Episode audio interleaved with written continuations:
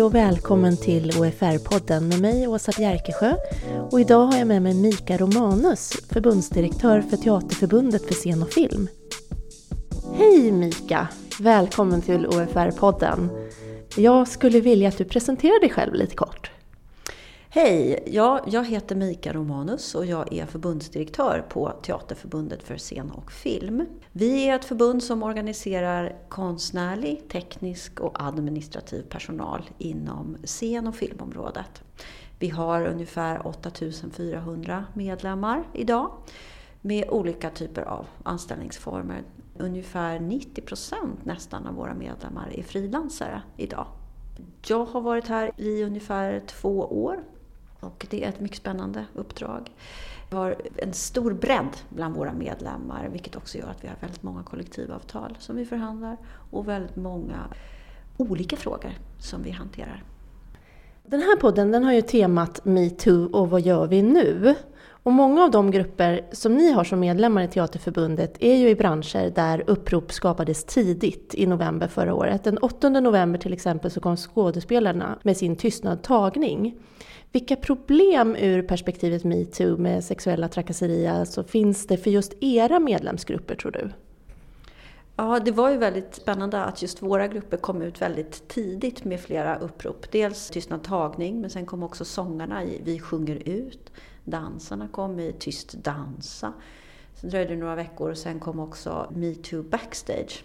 Till en början så tror jag att det fick väldigt stor uppmärksamhet och man tänkte att ja, men det här är branscher där det här är vanligt förekommande eftersom också själva upprinnelsen till hela metoo kom från filmens område. Men det blev ju sen väldigt tydligt när det här också kom från väldigt många andra arbetsplatser och, och branscher att det här är ett mycket större problem, ett samhällsproblem snarare än ett problem som bara är handlar om just den här branschen. Och det tror jag blev en väldigt kraftig idé, att det faktiskt eh, blev tydligt snabbt. För vår del så funderade vi rätt mycket på det där i början. För vi har på Teaterförbundet för scen och film och också ofta tillsammans med arbetsgivarsidan faktiskt jobbat väldigt mycket med jämställdhetsfrågor under lång tid. Gjort många insatser för att främja jämställdheten på arbetsplatserna.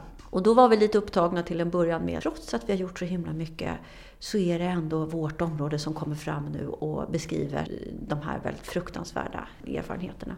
Men egentligen så kan det kanske vara så att det är just på grund av att vi inom vår bransch har jobbat väldigt mycket med de här frågorna, att det bidrar till att våra medlemmar då var först ut på banan. Och att det egentligen är ett tecken på att, inte att det är värre hos oss än, än på andra områden, utan snarare tvärtom, att vi har jobbat väldigt mycket med eh, jämställdhetsarbete aktivt under lång tid, som gjorde att just våra medlemmar klev fram.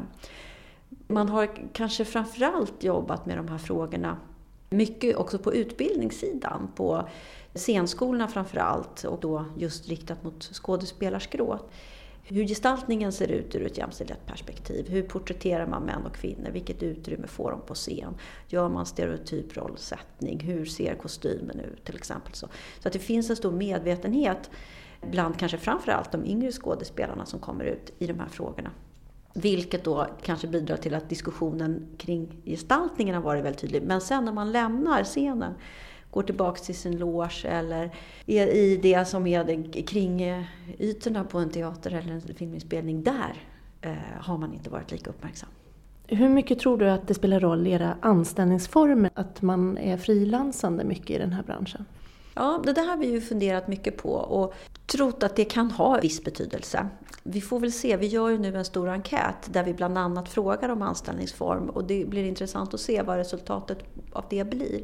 Jag tror att det kan vara så, men jag tror kanske ännu mer att det handlar om att man är i beroendeställning Dels förstås att om man får nästa jobb, men man är också, även om man har en fast anställning, man är ganska beroende av goda relationer för att få en tillräckligt intressant roll i nästa uppsättning.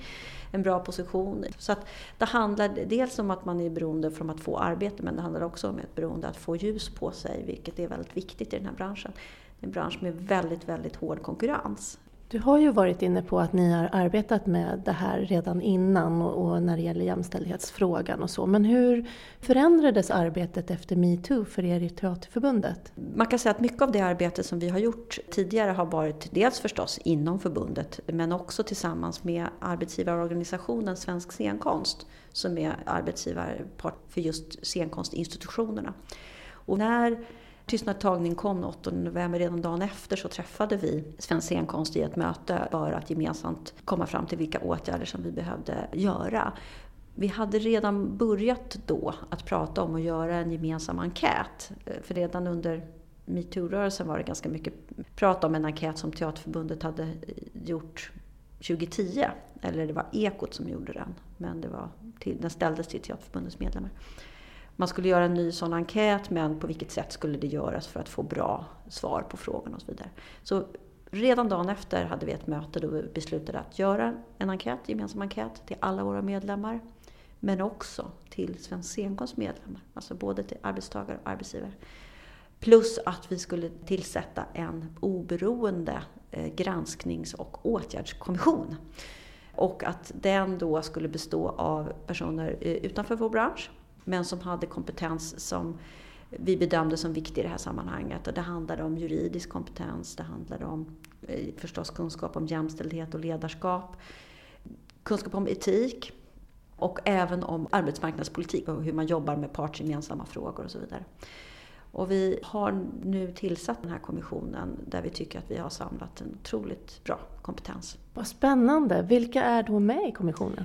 I kommissionen, den leds av Anna Wahl som är professor i genus och ledarskap och också vice rektor på KTH med eh, ansvar för värdegrund och eh, jämställdhetsarbete. Sen finns i den här kommissionen även Michael Bjälkhagen som är eh, präst och han är psykoterapeut också och har varit verksam i Katarina-stiftelsen länge men nu har han precis fått ett nytt jobb på Stadsmissionen där han jobbar med integrationsfrågor. Eh, vi har också en jurist, Maria Eka, som är eh, i förvaltningsrätten i Stockholm. Men som också har en bakgrund som rätts och expeditionschef på Kulturdepartementet. Så att hon har också viss kunskap om scenkonstområdet. Och sen även Kurt Eriksson som är för detta chefsjurist på Medlingsinstitutet och nu är pensionär men jobbar som medlare. Men också har varit engagerad i diskrimineringsnämnden där han sitter nu också. Så att vi tycker att sammantaget har den här eh, gruppen väldigt mycket kompetens i de här frågorna.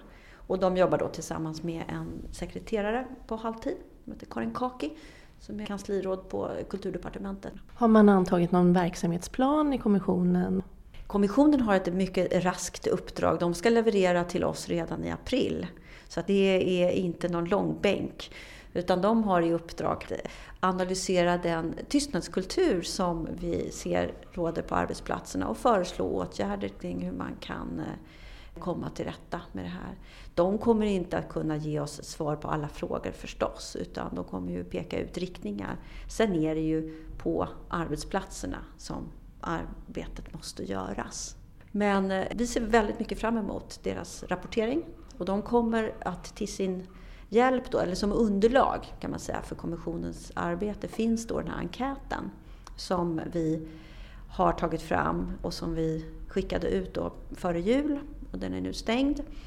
Och SIFO som vi har gett uppdraget att eh, göra den, de eh, jobbar nu på eh, med allt detta väldigt stora material. De kommer då att utgöra förstås ett väldigt viktigt underlag för kommissionen. Men de kommer också att jobba med andra saker, intervjuer. De kommer också titta på de här uppropen ganska fördjupat och se om man kan eh, hitta några samband. Att, eh, det blir väldigt spännande att se vad de kommer fram till. Men som sagt, eh, jobbet måste sen göras ute på arbetsplatserna. Just det, resultatet av kommissionen, kommer det att vara något som man kan ta del av även utanför Teaterförbundet? Ja, vi har faktiskt inte riktigt bestämt hur vi ska göra. Absolut så kommer ju de rekommendationer som vi kommer att arbeta vidare med kommer vi ju eh, absolut kunna göra offentliga, presentera. Men vi har inte, faktiskt inte riktigt bestämt hur vi ska presentera kommissionens eh, resultat än. Det låter ju som ni har mycket på gång, men har ni också samarbete med andra förbund i frågan? Vi är ju ett TCO-förbund. Det samarbete konkret vi har med TCO är väl den här Rapporten som de har gett ut som heter Bryt tystnaden, som de gav ut för ett antal år sedan, en handbok om sexuella trakasserier. De håller på att revidera den och där ingår ju vi i en grupp som tittar på det. Det är väl kanske det mest konkreta, förutom samarbete som vi också har med SYMF, ska säga, Sveriges yrkesmusikers förbund. De är också en samarbetspart i den här enkäten som vi gör tillsammans med Svensk scenkonst. För SYMFs medlemmar jobbar också på de institutionerna. Så där är det både SYMF och Musikerförbundet som är samarbetspartner bland förbunden. Men sen inom ramen för diskussionen med TCO och eh, också med eh, andra, inom OFR förstås, finns ju diskussionen levande. Så vi tar del av det arbete som görs på annat håll.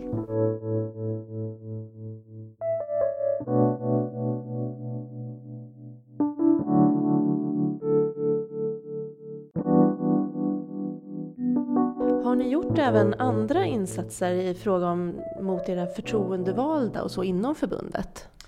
Absolut har vi gjort det. Vi har eh, redan i samband med att uppropen kom ut så eh, bjöd vi in till möten då för alla våra ordföranden i dels våra yrkesavdelningar. Vi har en organisation där det finns en avdelning för skådespelare, en för tekniker, en för sångare, en för dansare. Så alla de ordförandena bjöd vi in till ett, ett möte.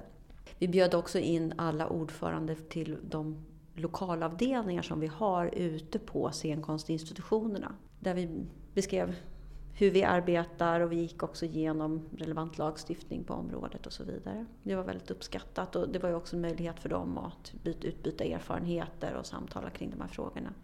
Vi har också tagit fram en policy för våra förtroendevalda. För det här, sexuella trakasserier kan ju uppkomma på arbetsplatsen, det är det vi jobbar med som fackförbund, men det kan ju också uppstå kanske situationer även inom en avdelning eller en styrelse eller något annat som inte är en arbetsplats då utan är ett förtroendeuppdrag man har. Och vi har också då tagit fram en, en riktlinje kring så att man vet hur vi hanterar den här typen av frågor inom förbundet och vart, framförallt vart man ska vända sig om man upplever att man har blivit utsatt för sexuella trakasserier eller andra trakasserier. Så det har vi gjort. Eh, vi har sedan också sett över våra utbildningar ordentligt. Det här, vi har ju olika styrelseutbildningar och det här är ju en fråga som ingår i dem. Men vi har liksom sett över allt materialet, sett till att vi gör det ordentligt och bra. Och sen har vi också faktiskt tagit fram en policy på filmområdet. Där är det medieföretagen Almega som är vår motpart. Och tillsammans med dem har vi också tagit fram en, ett förslag till policy för hur man ska jobba mot sexuella trakasserier inom det området. Och det finns som en del inom Prevents arbete. Där. Plus att vi då också har öppnat en särskild eh, mejladress för medlemmarna. Eh, vi har ju medlemsrådgivning och det är ju dit som sagt som frågor kommer från medlemmarna när de behöver råd och stöd. Men vi har också gjort en egen, en särskild adress som heter metoo, Teaterförbundet, dit man också kan skicka frågor av den här typen. Då.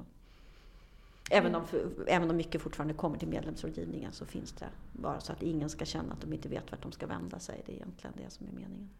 Ja, för det är en fråga som jag tänkte ta också. Just att om man blir utsatt, vart vänder man sig i första hand då? Man ska ju vända sig till sin arbetsgivare eh, när man utsätts för någonting. Det som kan vara problematiskt kanske är ju om det är någonting som har hänt tidigare. Eller om man är frilansare och inte, har en, inte tycker sig ha en så tydlig arbetsgivare. Då kan man alltid vända sig till, till vår medlemsrådgivning för att få stöd i den frågan. Men det är ju arbetsgivaren som har ansvar för att utreda den här typen av ärenden. Så att, eh, det är därför det är viktigt att man anmäler direkt när man ser att det är en situation som som bör uppmärksammas. Mm. Men är man osäker då kan man alltid höra av sig till er? Absolut, man kan alltid höra av sig till oss antingen via telefonrådgivningen eller via mail och säga vart, vart vänder jag mig nu? Eller det här har uppstått, eh, är det att betrakta som någonting? Och så att säga. Den, det är ju den upplevelsen hos den individen som är vägledande i det här fallet. Så att, vi har ju inte tidigare fått jättemycket frågor av den här karaktären faktiskt. Ganska få. Så att vi ser ju att folk i högre grad nu vänder sig till oss i, i de här frågorna och det är väldigt positivt att man både känner att man ska vända sig hit och att man gör det snabbt. Tror du att den här metoo-uppropen har, har gjort också att synen har förändrats på att vara utsatt för sexuella trakasserier? Jag hoppas att det är så att det framförallt har gjort att det finns en större medvetenhet bland alla. Både de som blir utsatta, att det här faktiskt det är den egna upplevelsen. Är det här ovälkommen blick eller eh, fysisk beröring någonting, det, det är min bedömning här som gäller. Så att, att man har blivit mer uppmärksamma på vad som sker omkring en. Att man kan ge varandra stöd. Säga att jag tyckte du att den här situationen var okej? Okay? Jag kanske inte tycker det. Liksom. Eller kände du dig bekväm med det här? Jag tror att kanske folk eh, stiger fram lite mer och vågar ta lite större utrymme för den här typen av frågor. Plus att jag tror att de som är då de utpekade förövarna förhoppningsvis kanske tar ett större ansvar när det gäller där det har funnits en omedvetenhet kanske kring att det här faktiskt handlar om sexuella trakasserier. Eh, när det är en ovälkommen beröring. Det kanske inte var uppsåtet att trakassera men det är så. Det, är där, det blir resultatet.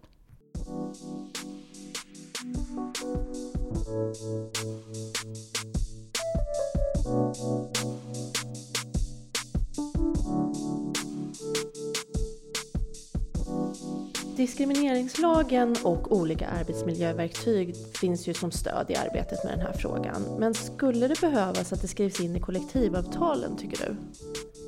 Ja, det där är en fråga som ju har varit uppe på tapeten och också på OFRs seminarium eh, nu för en tid sedan. Och det tycker jag en, kan vara en intressant väg att gå. Det är ingenting som vi har drivit eller landat i den här ännu så länge. Men vi får väl se Kanske kommissionen kommer att lyfta någon idé i den riktningen, vad vet jag. Men vad man kan säga är att kollektivavtalet är ju ett bra redskap eh, i arbetet konkret. Att man kan kalla till förhandling för brott mot kollektivavtalet ligger kanske närmare till hands än att peka mot någon lagstiftning som ju också är ganska generell. Det som är bra med kollektivavtal är ju att de är branschanpassade ofta. Och eh, på vårt område i alla fall så vi har ganska branschanpassade eh, kollektivavtal eftersom vi har en bransch som, som har lite andra arbetsförhållanden än många andra jobb. Så där, där finns ju möjligheter även kring den här frågan att använda sig av just den möjligheten och den flexibilitet att också skruva på saker och ting när man förfogar över så att säga, avtalet mellan parterna. Det är också ett bra redskap i just ett partsgemensamt arbete. Så att jag tror att det vore spännande att se om man kan komma dit. Då tänkte jag bara avsluta med att fråga vad det var som gör att du, att du känner så starkt engagemang för de fackliga frågorna? De fackliga frågorna rent generellt tror jag kommer från ett, ett intresse av eh, att påverka, eh, se möjligheten till ett gemensamt eh, påverkansarbete och att arbetslivet är en väldigt central roll i många människors liv och därför blir det viktiga frågor metoo och jämställdhetsfrågorna och den här delen av just det arbete som har tagit väldigt mycket tid just nu tycker jag att det har varit otroligt eh, spännande att jobba med de här frågorna och känns väldigt, väldigt angeläget. Jag tror att många av oss kände en bestörtning över alla de berättelser och erfarenheter som kom fram i de här uppropen. Men samtidigt så finns det ju också en, en väldig kraft och en väldig energi i att nu får det vara nog. Nu tar vi tag i den här frågan. Nu kommer vi att arbeta långsiktigt och metodiskt för att få slut på det här. För det är oacceptabelt att det ska vara på det här sättet. Det var allt från OFR-podden idag. Tack för att du har lyssnat. Vill du se mer information i ämnet metoo och vad vi gör finns det på ofr.se. Där finns det både en blogg från Lena Svenaeus och även information från vårt seminarium som vi höll. På återhörande.